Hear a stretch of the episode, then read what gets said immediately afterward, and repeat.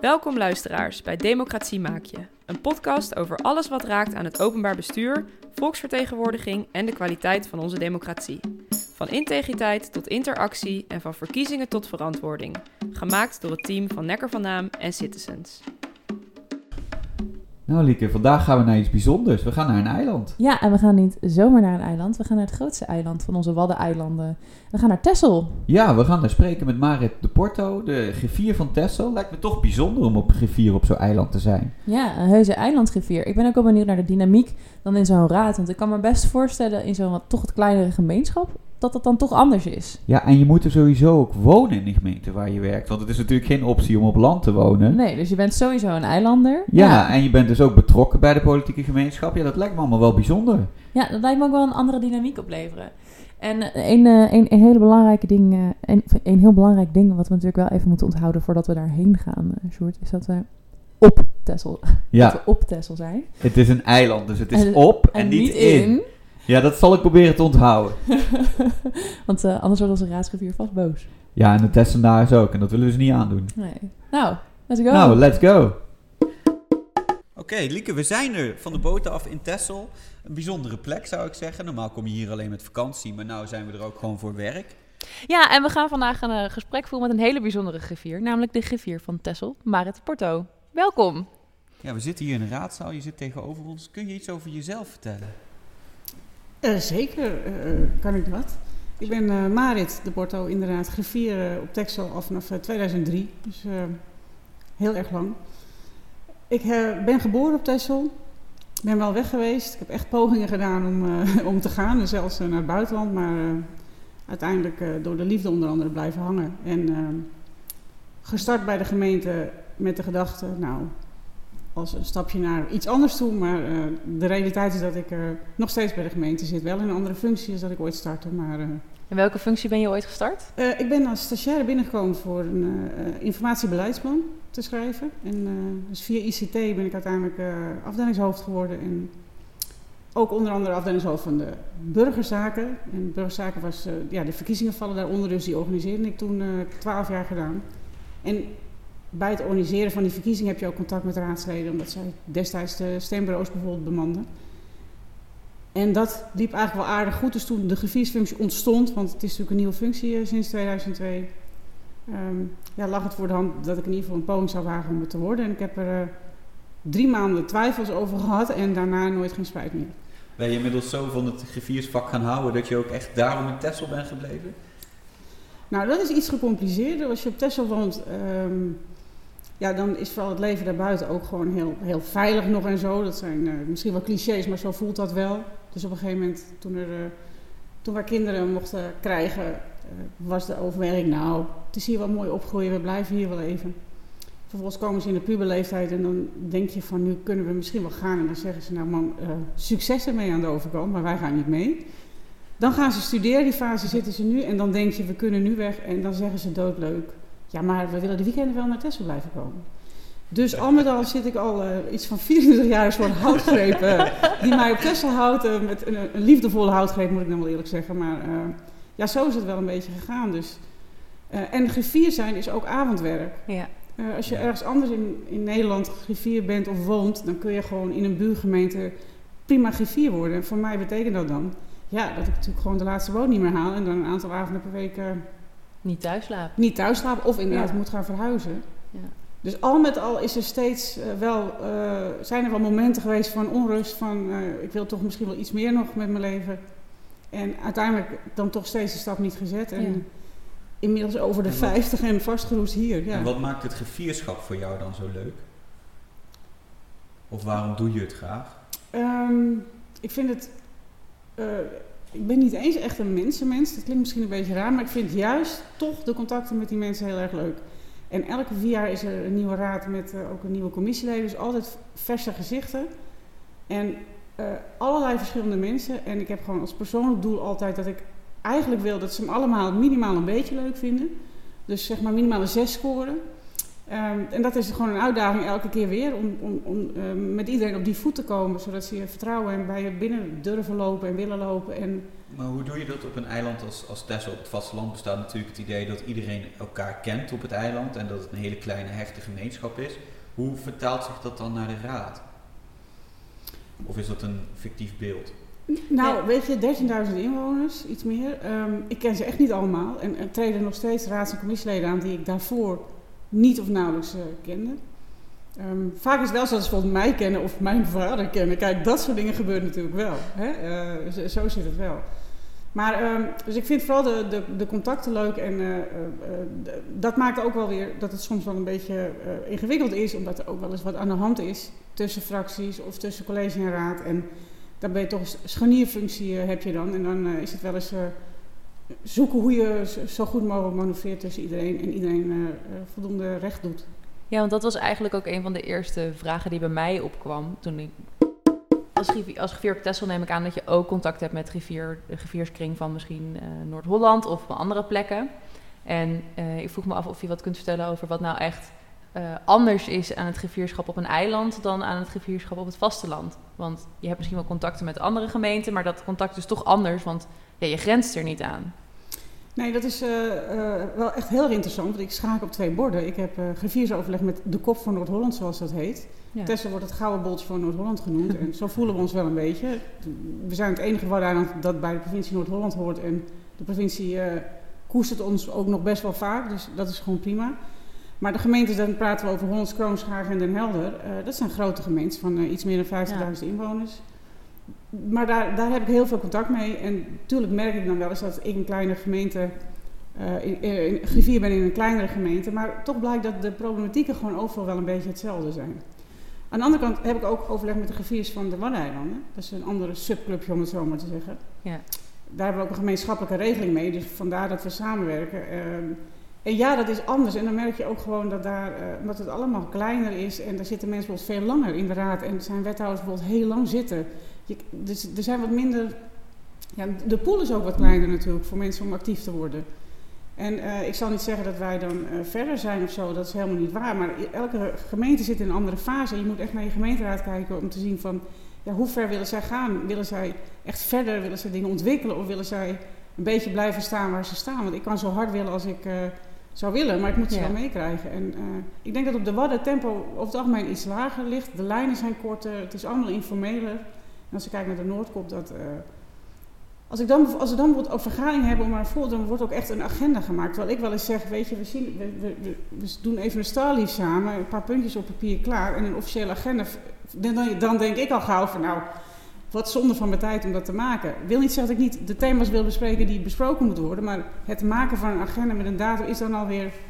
Denk, hè, dus dat is het formeler, hoe groter het wordt, hoe formeler eh, heb ik het gevoel eh, het loopt en de lijnen zijn. Ja, wauw, want ik ben wel onder de indruk van vergaderen zonder agenda. Dat, hebben, we- dat is voor, eh, voor ons als griffiers is dat bijna zeg maar een soort van eh, eh, Ja, glad ijs wat we dan, waar we ons dan op begeven. Ja, het Nou, moet ik natuurlijk- zeggen, dan moet ik zeggen, inmiddels Sint-Hubert, het driehoeksoverleg is daar ook zonder agenda, maar daar worden, dat is ook een gemeente van 11.000 inwoners, daar ben ik nou griffier. En ehm, daar herken ik dat wel in, met die korte lijnen. Ik bel de burgemeester gewoon geregeld, de gemeentesecretaris om even iets korts af te handelen. Terwijl voorheen zat ik in Groningen. En dan moest alles via de secretariaat, via de bestuursadviseur. En dan sprak je de burgemeester of de gemeentesecretaris sprak je gewoon niet. Nee.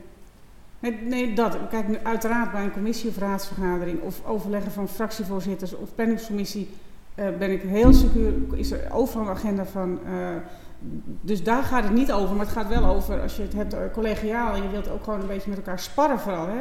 Je, hebt, je hebt misschien je punten die echt moeten en daarnaast wil je vooral denk ik dingen in de week leggen en gewoon ervaren van goh, eh, ik zit hiermee, hoe zouden jullie daarmee omgaan? En dat vraagt wat mij betreft geen agenda, maar eh, en bij de Waddengeviers kan dat ook zonder agenda, terwijl we toch dan na een uur echt heel veel besproken hebben Ja, precies. en, en opgehaald hebben. Dus ja, ik ben wel voor een formele agenda, maar het hangt van de setting af. En driehoeksoverleg doen wij ook zonder agenda. Betekent niet dat je het niet voorbereidt. In mijn hoofd heb ik wel een agenda natuurlijk. Ja, precies. Je hebt altijd wel punten die je meeneemt. Of een ja. kladje dat ik zeg, oké, die drie, vier punten wil ik even eh, in ieder geval aan de orde stellen. Eh, dus dat, ja, ik, ik, ik denk zomaar hoe groter de gemeente is, hoe, hoe minder ruimte er is om op die manier eh, eh, te werken. Ja, ik denk dat het ook echt specifiek is wel qua grootte van de gemeente. Maar een specifiek ding op Texel bijvoorbeeld is dat Ehm, de, elke zomer overspoelt het eiland met heel veel extra inwoners, al is het tijdelijk. Is dat ook een issue? Eh, wordt daar iets mee gedaan? Ook mensen die hier huisjes hebben of zo, zijn die betrokken bij het politieke proces? Ehm, we zijn, zijn uh, rond de 45.000 recreatieve bedden. We hebben dus 13.000 inwoners, dus op het moment dat we vol zitten gaan we richting de 60.000. Uh, u noemt net de zomerperiode, maar de realiteit is dat inmiddels de, de seizoensverbreding gewoon echt groot is. Volgens mij was het ook al druk bij de boot toen jullie nu kwamen. Nou, wat is het nu? Een rare dag in maart zomaar. Met heel veel regen en hagel. dus het is niet eens een lekkere dag. Precies, dus, uh, dus de seizoensverbreding maakt dat ik denk dat er wel negen maanden per jaar gewoon veel, heel veel of best wel aardig veel toeristen op, op ons eiland zijn. We zijn ook opgeschaald. We zijn een gemeente van 13.000 inwoners, maar de provincie Noord-Holland heeft wel erkend van goh, de, de problemen die jullie moeten tackelen, die liggen wel op een andere schaal dan een gemeente van echt 13.000 inwoners. We hebben bijvoorbeeld heel veel fietspaden, heel veel gebouwen, al die huisjes, daar moeten vergunningen voor verleend, noem maar op. Ja, precies. Dus het werk wat je doet en de visie die je moet hebben, vraagt wel iets meer dan het aantal inwoners doet vermoeden. Eigenlijk, eigenlijk zorg je voor 60.000 inwoners, je hebt alleen ja. 13.000 die er wonen, officieel. Dat is ook wel grappig, we hebben dus het duurste gemeentehuis van Nederland. Als je kijkt naar het aantal inwoners. Ja, de, precies, want daar werden we, Brechtje en ik werden toevallig, toen we, naar, we stonden hier op straat, we stapten de auto uit, keken, het gemeentehuis had een discussie of we het mooi vonden of niet. En toen sprak een vrouw ons aan en die, zei, die, die vertelde meteen als eerste anekdote, ja, het duurste gemeentehuis van Nederland. Toen dachten we, nou, absoluut zal dat waarschijnlijk niet zijn, maar dus per, per inwoner. Nou, dat is natuurlijk dan het vervelende. Zo hebben we ook een keer toen de kop gehaald. En dat is natuurlijk niet helemaal fair, omdat inderdaad, het is maar net wel uh, hoe, hoe, je hem, uh, ja, hoe je het getal gaat duiden. Uh, dat gaat inderdaad over het aantal inwoners. En ja, ja. er zitten hier ja. meer mensen dan voor 13.000 inwoners nodig zouden zijn normaal. Maar je hebt het over betrekken, betrekken van inwoners. Kijk, we, we, werken nu aan een toeristische toekomstvisie. Dat is dus echt een groot, belangrijk stuk uiteraard voor Texel. Um, we merken dat uh, en ik denk dat kan ik wel zeggen, daar is de hele politiek het wel over eens dat de ervaring van druk wordt groter. Dus de inwoners ervaren best wel druk. Alleen dan moet je gaan benoemen, waar zit hem dat in? Is dat het aantal bedden? Is dat mensen op straat? Is dat... Dus ze zijn nu bezig een uh, toeristische visie te ontwikkelen. Maar er worden ook toeristen geïnterviewd ja, via een digitaal platform. Van... Want dat heeft natuurlijk ook te maken met de manier van recreëren. Precies. Ja. En uh, waarom komen ze hier? Je wil ook weten, want de toerist moet het hier fijn hebben. En um, als griffier, je bent natuurlijk begonnen in 2003, toen het net het vak bestond. Ja. Um, hoe was dat de eerste jaren? Want dan ben je nog aan het pionieren, neem ik aan. Heb je, heb je denk je, dit heb ik echt neergezet hier in Texel? Nou ja, uh, ja, echt neergezet. Er is geen andere griffier geweest. Dus wat hier is, uh, daar heb ik op een of andere manier een bijdrage aan geleverd. Of ik was erbij, op zijn minst. Um, je start op het moment dat eigenlijk niemand precies weet wat de functie is dat is aan de ene kant heel erg spannend, maar het is natuurlijk ook heel erg mooi dat je op die manier zelf invulling van kan geven. En ik ben gewoon tussen de raad gaan zitten. En uh, uh, het was eerst de functie van 18 uur en in no time heb ik een stuk geschreven. Ik zei van ja, als, u, als ik alles moet doen wat u wil en wat ik graag zou willen doen, dan, dan moet het echt het, het, aantal uren omhoog. Of de dienstverlening moet naar beneden, om het maar even formeel te zeggen. Nou, uiteindelijk is het een fulltime functie geworden en um, ja, de, dat is ook gewoon echt nodig. En wat er nu staat, ja, dat, dat, dat heb ik gedaan, maar wel altijd met de raad en met de zittende raad en de zittende fractievoorzitters. Ik vind wel dat we stappen gezet hebben van toen ik aantrad en hoe het nu is. Ja. Maar dat geldt voor heel Nederland en dat hangt uiteraard niet alleen aan mij uh, vast. Ja, Marit, je bent griffier van het eerste uur, zoals we dat uh, zo mooi mogen noemen. En uh, deze podcast draait een beetje om eh, jong geleerd, oud gedaan. En, uh, Waarmee nou, we niet willen suggereren dat, dat je, oud bent. bent. ik ben het aan het verwerken, maar okay. Maar wel heel veel ervaring in het vak. Um, dus onze vraag is eigenlijk, wat zou je mee willen geven aan jonge griffiers of aan uh, uh, ja, jonge mensen die aan het begin van hun griffiersloopbaan staan? Volgens mij is de sleutel van het succes van een fijne baan hebben als griffier en ook gewoon dat men jou ook waardeert dus je moet, uh, vind ik, heel erg flexibel zijn in je tijdsbesteding. Daar hadden we het voordat het, uh, de boel draaide hier al een beetje over. Van, het is echt geen 9 to 5. Er zijn zat avonden en weekenden dat je iets moet doen. Er staat tegenover dat je ook best een keer een middag vrij kan. Uh, vrij kan klinkt dan een beetje er niet zijn omdat je s'avonds weer moet vergaderen. Maar het maakt je flexibeler in gewoon de indeling van je dag. Daar staat tegenover dat ik wel 24-7 aansta. Um, daar moet je tegen. Dus dat is het eerste. Daar zul je echt mee om moeten kunnen gaan. En ik heb zelf daar helemaal geen moeite mee. Uh, een dag niks gedaan. Ik weet niet, lijkt me echt gewoon heel erg raar zelfs. Dus uh, Dus Vind je dat ook een rol van de griffier, dat hij dat altijd aanstaat, altijd dienend is voor de raadsleden? Ik denk wel dat je dienend moet zijn. Je moet, uh, de, een griffier moet beseffen dat hij zelf meestal niet in de spotlight staat. En moet daar ook heel erg goed mee kunnen leven. Je doet heel veel werk achter de schermen. En als je dat werk heel goed doet, dan merkt men als het goed is niks. Dat klinkt een beetje raar, maar, dan lopen vergaderingen goed, dan zijn de stukken die op tafel liggen zijn goed. Uh, worden, kunnen debatten worden gevoer, gevoerd omdat alles gewoon goed voorbereid is. Dan moet je tegen kunnen. Dus als je een beetje uh, ijdel bent of wat, liever graag zelf het woord wil, ja, dan, dan, moet je denk ik een andere functie gaan zoeken in het politieke bestel. Maar um, dienend, ik denk wel dat, het, dat, dat je natuurlijk niet altijd 24-7 aan hoeft te staan. Dat is een keuze die ik gemaakt heb en waar wel de raad inmiddels aan gewend is hier. En dat betekent dat ik ook echt wel gebeld word op zaterdag of zo. En ik heb wel bedacht als ik ooit uh, stop of uh, wegga, dat ik dat wel meegeef aan de raad. Dat ze dat niet automatisch kunnen verwachten van iedereen die aantreedt, omdat dat gewoon misschien best wel veel gevraagd is. Maar dienend moet je zijn, vind ik. Um, en dat betekent niet dat je moet kruipen of wat dan ook. Mag echt je eigen grenzen wel stellen. Maar je werkt wel ten dienste van de gemeenteraad. Dus zo, uh, zo vul ik hem ook wel in. Heb je zelf ook een, uh, een visie op hoe je als griffier de gemeenteraad moet dienen? Is het belangrijk dat je uh, precies uitvoert wat de gemeenteraad zegt of wat de gemeenteraad vindt? Of kun je daar zelf ook eigenstandige visie op ontwikkelen? Bijvoorbeeld hoe je omgaat met naar buiten treden als raad en dat soort zaken. In de functie staat heel erg duidelijk uh, uh, gevraagd en ongevraagd advies. Nou, die gevraagd is vrij, vrij duidelijk. Uh, ze bellen, ze mailen, ze appen en ze willen een advies van je. Dat doe je dan.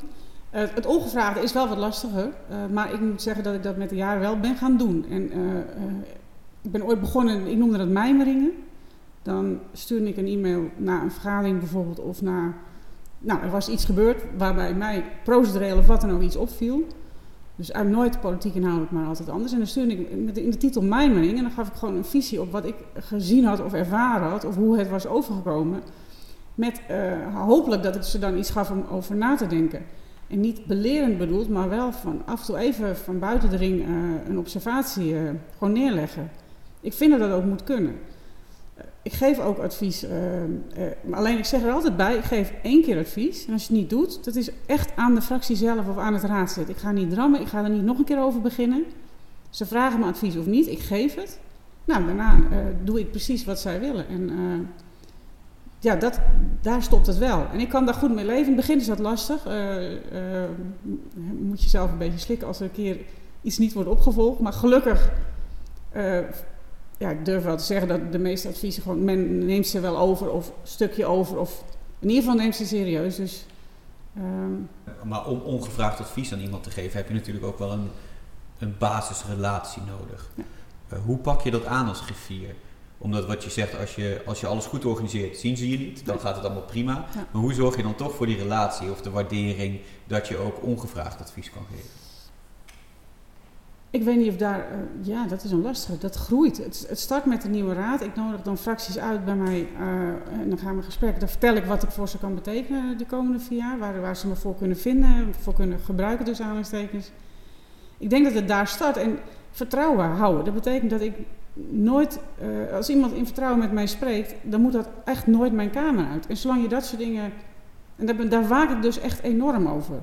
Want ik ben gewoon weg uh, als, als ik uh, hun vertrouwen beschaam. Dus het begint met, denk ik, kleine stapjes gewoon doen wat je belooft, uh, ze serieus nemen. En op een gegeven moment voel je wel aan dat ik ook actief iets kan zeggen, een advies kan geven, bijvoorbeeld zonder dat het gevraagd is. Dat kan bij de een eerder als bij de ander, dat klopt. Dat is heel erg lastig voor mij ook uit te leggen hoe dat zit. Maar met de ene bouw je sneller iets op dan met de ander. Maar nogmaals, van de een krijg je een zes en van de ander een acht. En als het per saldo maar nooit een onvoldoende is, in het begin, we hadden het net ook al kort over uh, de korte lijntjes die hier zijn, met de driehoek, met de burgemeester, met de gemeentesecretaris. Um, daar zit natuurlijk ook een valkuil in. Uh, als griffier kun je dan heel snel een soort verlengstuk van het college of van de organisatie worden, terwijl je de hele raad dient, ook de oppositie. Heb je dat dilemma wel eens meegemaakt en wat zou je tips zijn? Maar ik moet zeggen, dat is dan een volgende, een derde tip denk ik inmiddels aan de griffier. Zorg nooit vergeten dat je voor de raad staat. En uh, dat is de pet die ik echt altijd opzet. Dus ik kijk naar een dilemma. En dan uh, er gebeurt iets in de organisatie of er is wat waardoor de driehoek in actie komt en waardoor er ambtelijk wat gevonden wordt. Ik hou het vizier van de raad en daar denk ik, daar moet je, dat vertel ik ook aan de bijvoorbeeld burgemeester en secretaris. Zij weten dat. En dat wil niet zeggen dat ik ze soms niet begrijp. Maar ik hou mijn raadspet op. Dus ik zal vanuit, ja, vanuit dat perspectief reageren of antwoord geven of, of input geven op een probleem. Als er een keer vertrouwenskwesties zijn, uh, op, dit moment bijvoorbeeld, nou, zijn er wel wat dingen waar de raad een beetje ontevreden over is en het college vervolgens weer ontevreden een beetje over hoe de raad zich opstelt.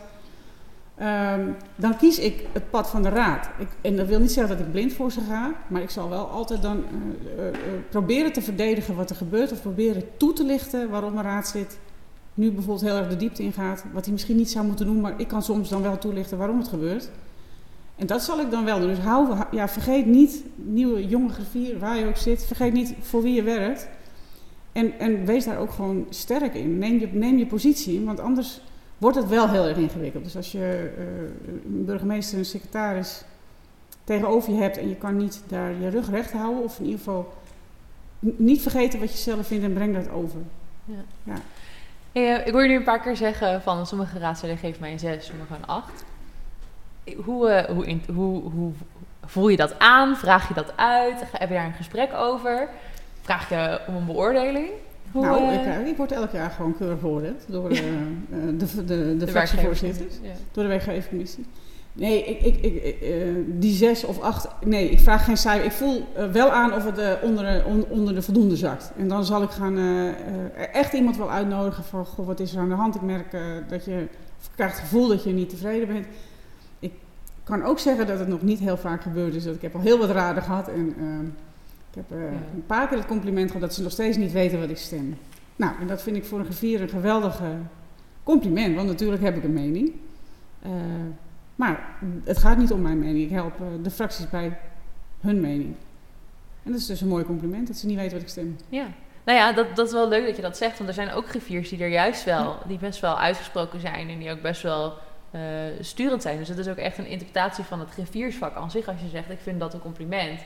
En ik vind dat wel, ja, ik vind dat wel interessant. Ik vind het wel mooi. Ja.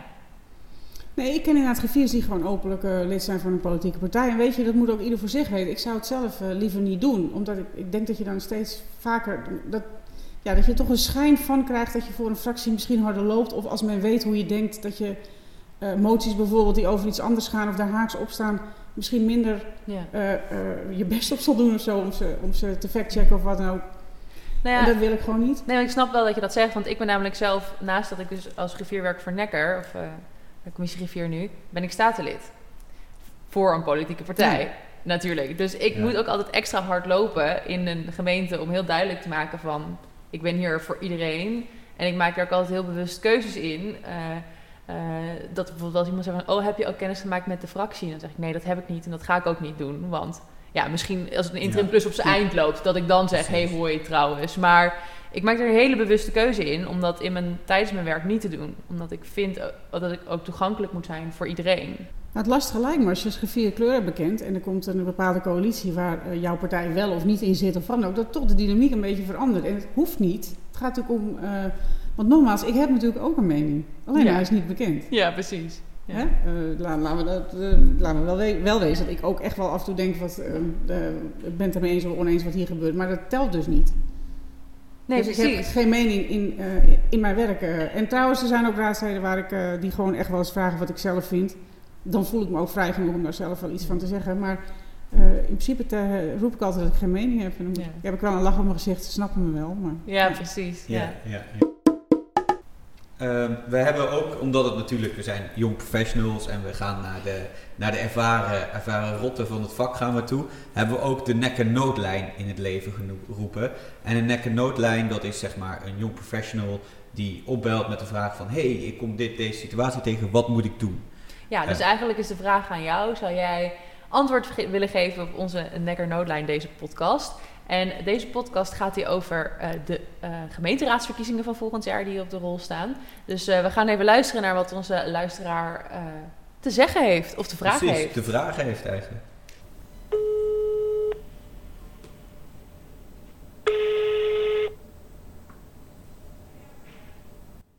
Lekker Is op dit moment in gesprek. Laat een bericht achter na de toon.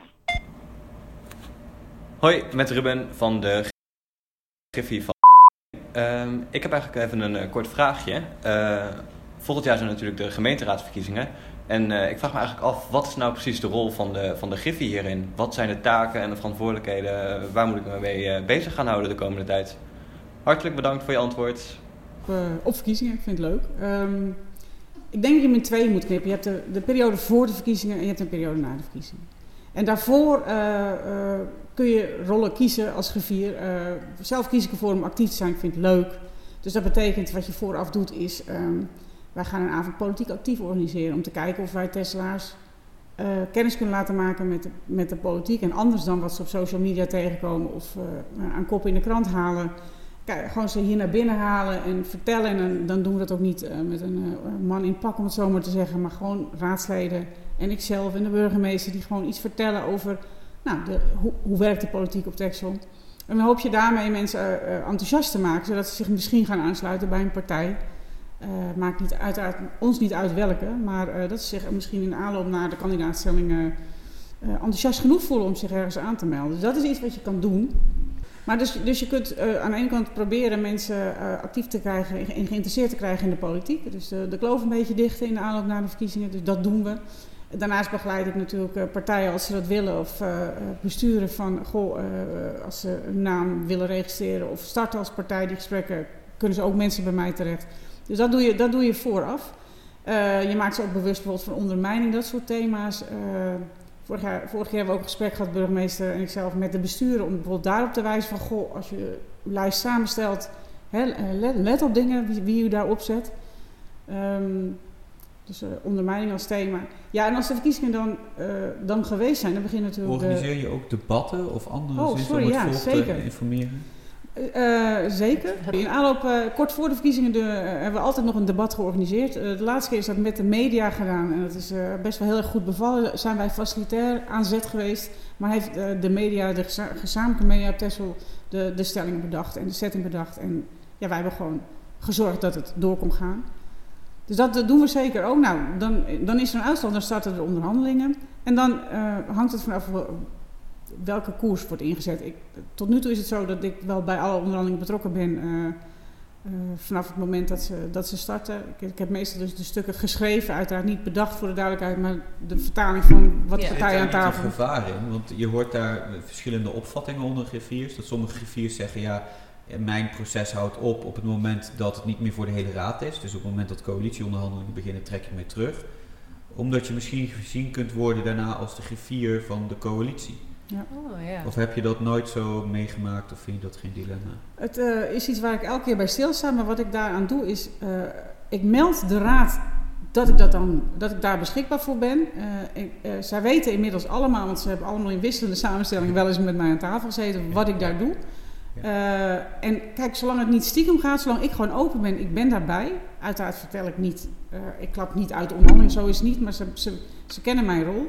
En dan denk ik dat het kan, maar het is wel zo, als daar een fractie of een raadslid over zou gaan, uh, toch wel zijn zorg zou uiten, dan zal het anders worden. Maar tot nu toe is dat niet gebeurd. En ik, ik ben met je eens, als dat gebeurt, dan moet ik kiezen voor het feit dat ik voor de hele raad sta. Ja. De andere kant is als vlotte onderhandelingen, als ik kan helpen, ook met mijn dossierkennis, wat ik hier dus al heel erg lang zit. Ja kan ik ook een bijdrage leveren op dat. Omdat ik weet dat iets al bijvoorbeeld vier keer op de agenda heeft gestaan. Of wanneer het laatste beleid is vastgesteld. Want soms zit je ook met nieuwe mensen aan tafel. Dus in die zin kan ik dan ook een bijdrage leveren. Maar nogmaals, ik dring mijzelf niet op. Uh, als ze me vragen, dan ben ik bereid uh, aan te schuiven onder de voorwaarden dat ik inderdaad... Uh, vind, je, vind je dat sowieso iets voor de rol van de griffier? Want dat is een discussie die heel het land speelt, omdat raadsleden steeds korter zitten. Dat het collectief geheugen van de raad een beetje verdwijnt. En eigenlijk mat je jezelf net een rol aan als een soort collectief geheugen. Uh, ik vind dat zeker wel een punt met de wisselingen. Uh, wij hebben ook de afgelopen keren uh, volgens mij steeds ongeveer de helft van de raad gewisseld. Kan uiteraard niet de helft, maar zeg maar zeven of acht ja. mensen. Dat is best heel veel.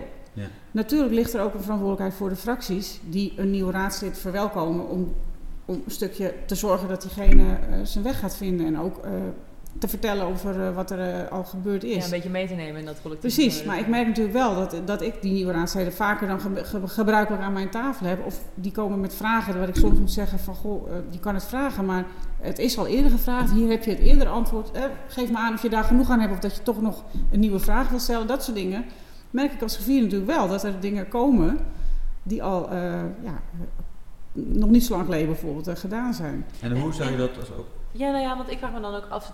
Ik kan me voorstellen dat daar misschien ook wel een stukje politieke profilering in zit.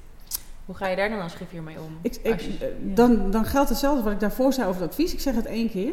En als ze dan zeggen, ja, maar ik wil toch de vraag stellen, want ik wil de krant halen met de inhoud, dan gaat de vraag gewoon uit. Ja, En daar leg ik me dan ook bij neer. Maar ik vind wel dat ik het gezegd moet hebben. Want sommigen vind, waarderen dat juist wel. Want die zeggen dan, goh, fijn. Want ja, anders krijg je van het college zo'n antwoord van, ja, eh, zoals u vier, vier jaar, hier heeft u het antwoord van vier jaar geleden, dat geldt nog. Nou, dat is heel flauw, maar dat zou dan kunnen gebeuren. Dus, maar het is aan de fractie zelf. En Ja. eh, eh, ik wijs erop en ze doen er wat mee of niet. En hoe zou je daar, eh, heb je daar tips voor, voor, voor jonge griffiers of wij als jong, jong professionals die dan aankomen in de gemeente eigenlijk dat collectieve geheugen niet hebben? Hoe zouden we dan die rol als griffier wel kunnen pakken? Zonder dat die politiek wordt, want daar gaat het inderdaad. Ja. Daar moet je dus constant voor waken. Eh, kijk, in dit geval, wij- wij zijn nu eh, denk ik een jaar of vier bezig met een eh raadsinformatiesysteem. En natuurlijk heeft iedereen die. Maar wat wij daar specifiek in doen, we registreren ook alle beantwoording van raadsvragen. Alle raadsinformatiebrieven met sleutelwoorden en zoekwoorden erin. oh, slim. Oh. Dat betekent, als, als wij dat goed blijven doen als Griffie, ik heb gelukkig een raadsondersteuner die, eh, die dat doet, eh, en je pakt de goede sleutelwoorden, dan betekent dat dat je een raadslid af en toe op het pad kan zetten van, goh, dus ik geef dan bijvoorbeeld wel het antwoord op de Ja. vraag en dan- daaronder zet ik dan een zinnetje. En als u naar ons raadsinformatiesysteem gaat en u gaat naar de beantwoording vragen en eh, u, u vult in eh, haven, de haven bijvoorbeeld, ik zeg, dan kunt u alle hits krijgen van wat daar al een keer over gezegd en Ja. gedaan is. Ja. En op die manier ge- geef ik ze dus eerst wel een antwoord, maar ik wijs ze ook langzaam maar zeker eh, op het raadsinformatiesysteem. En wij doen heel erg ons best om dat goed bij te houden. En nogmaals, de zoekwoorden zijn daar belangrijk, want iedereen gebruikt een andere term voor, eh, voor dingen. Dus je moet ook zorgen dat je de, alle woorden die men misschien kan gebruiken voor zo'n thema eh, erin zet. Dus ja, dat is een stukje collectief geheugen, zij het digitaal, maar dat is wel een bijdrage die wij kunnen De verkiezingen zijn geweest. Wat is, dan heb je dus het stukje ehm, eh, onderhandelingen. Eh, Ligt er dan nog een rol eh, rondom de verkiezingen? Of begint dan eigenlijk gewoon...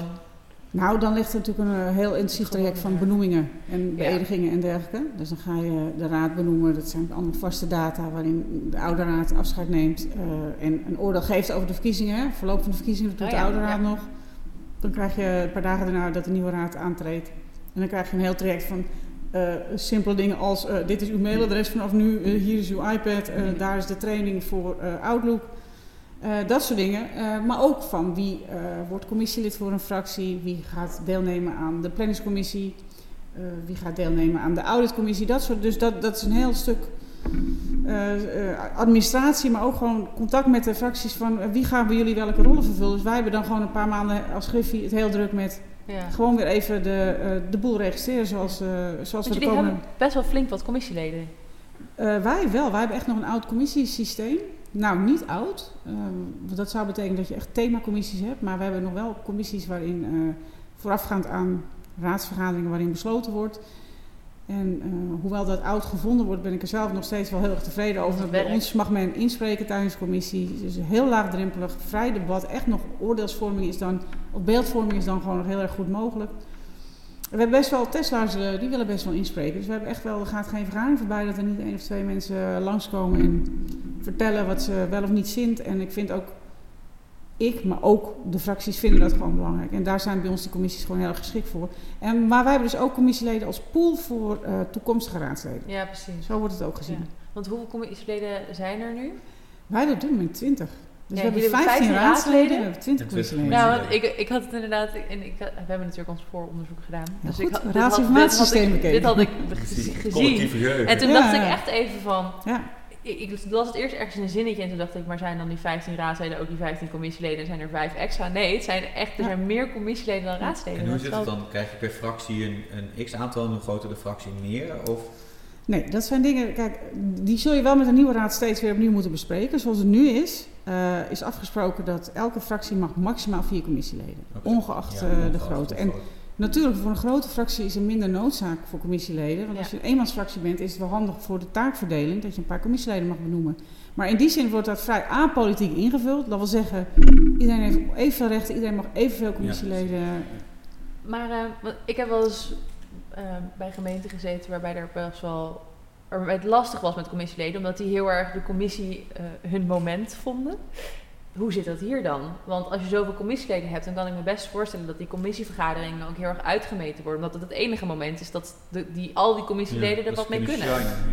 Ja, maar zo simpel werkt het niet. Eh, per vergadering, eh, per commissievergadering, eh, we hebben 15 raadsleden. En de Mhm. commissievergadering is bij ons zo opgezet dat er ook 15 stoelen staan. En een fractie mag zoveel stoelen bezetten als dat hij zetels heeft.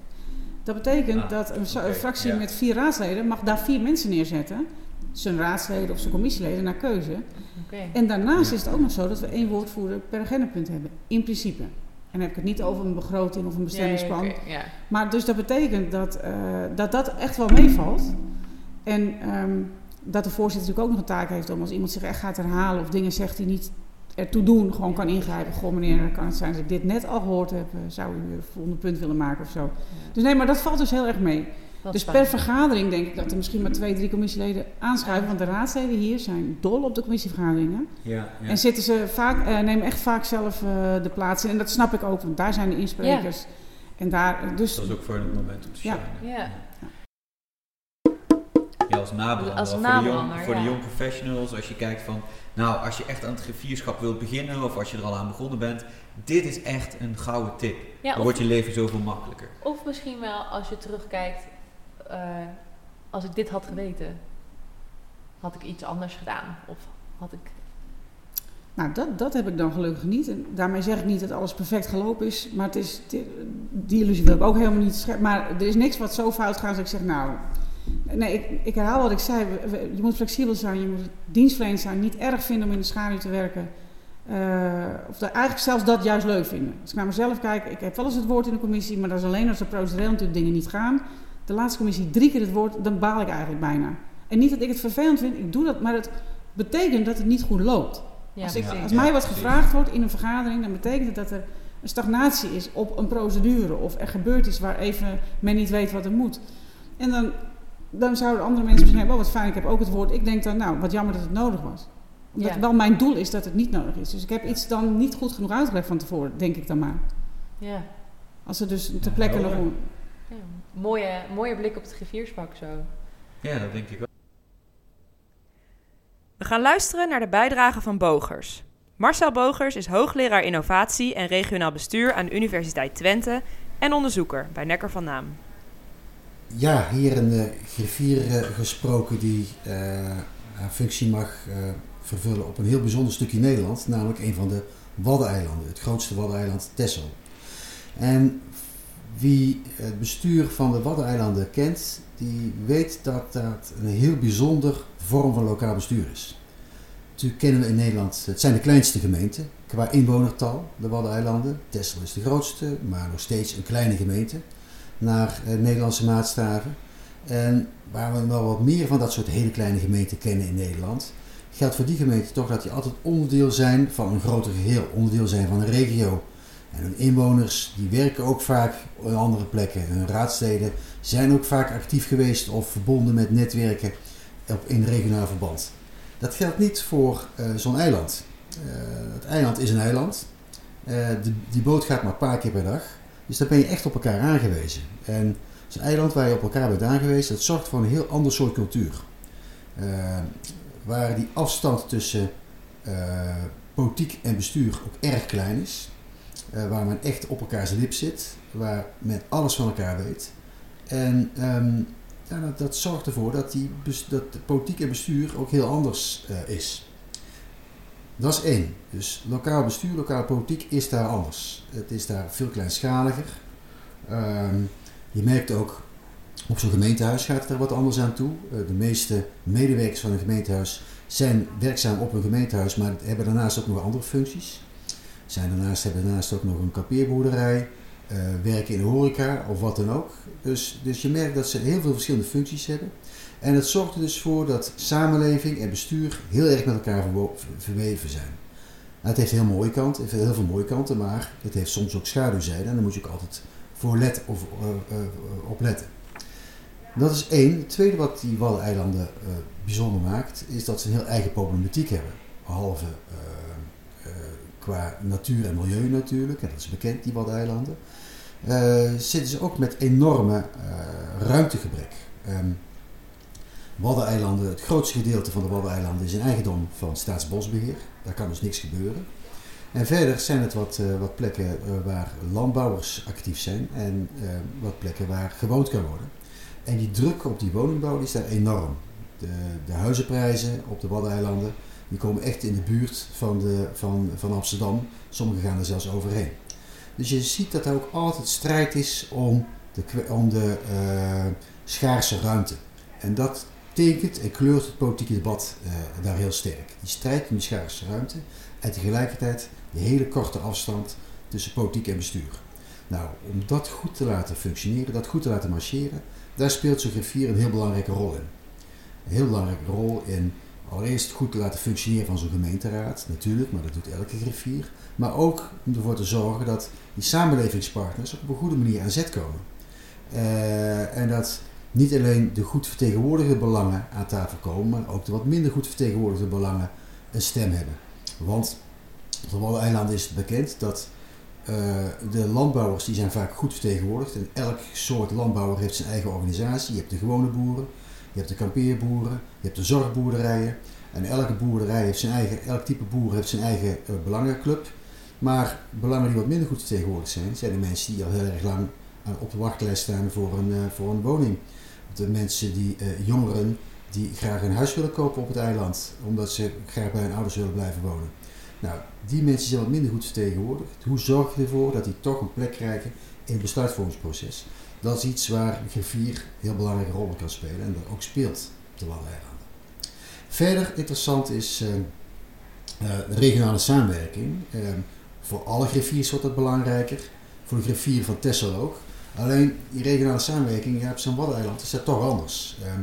Voor een gedeelte is dat samen met de, de, de gemeente in de kop van Noord-Holland. Vooral op het gebied van jeugdzorg en andere zorgtaken wordt daarmee samengewerkt. Maar op andere taken wordt er ook samengewerkt met andere Waddeneilanden. En dat is interessant om te zien, want die afstanden tussen die Waddeneilanden lijken klein, maar zijn toch heel groot. Want directe bootverbindingen zijn er niet of nauwelijks. Dus uh, die Waddeneilanden uh, die spreken elkaar vaak toch op het vasteland. In Harlingen ontmoeten ze elkaar dan meestal. En daar wordt dan met, over gezamenlijke waddenproblematiek zaken gesproken. Die te maken hebben met bijvoorbeeld ruimtelijke ordening, met bouwen en wonen, maar ook met bijvoorbeeld zorg op het gebied van onderwijs. voor scholen op het vasteland gelden bepaalde normen voor het minimaal aantal leerlingen. Nou, op de Waddeneilanden moet er toch voor worden geregeld dat je daar wat andere normen hebt, anders kun je daar echt alle scholen sluiten.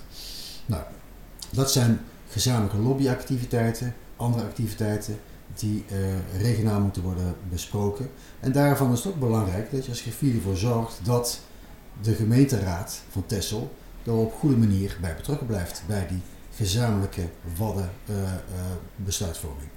Dus hier ja, een heel interessante, uitzonderlijke, uh, uitzonderlijke functie eigenlijk, griffier op een waddeneiland. Vanwege zijn kleinschaligheid en vanwege de heel bijzondere problematiek die speelt. Bedankt voor het luisteren naar deze aflevering van Democratie Maak Je, de podcast van Nekker van Naam en Citizens. Deze podcast is gemaakt door Lieke Veen, Sjoerd Wanet, Brechtje de Jong en Dick van der Harst. Blijf ons volgen op social media en je favoriete podcastkanalen. Heb je ideeën of suggesties voor nieuwe afleveringen of heb je een vraag voor de Nekker Noodlijn? Mail ons dan op podcast.nekker.nl.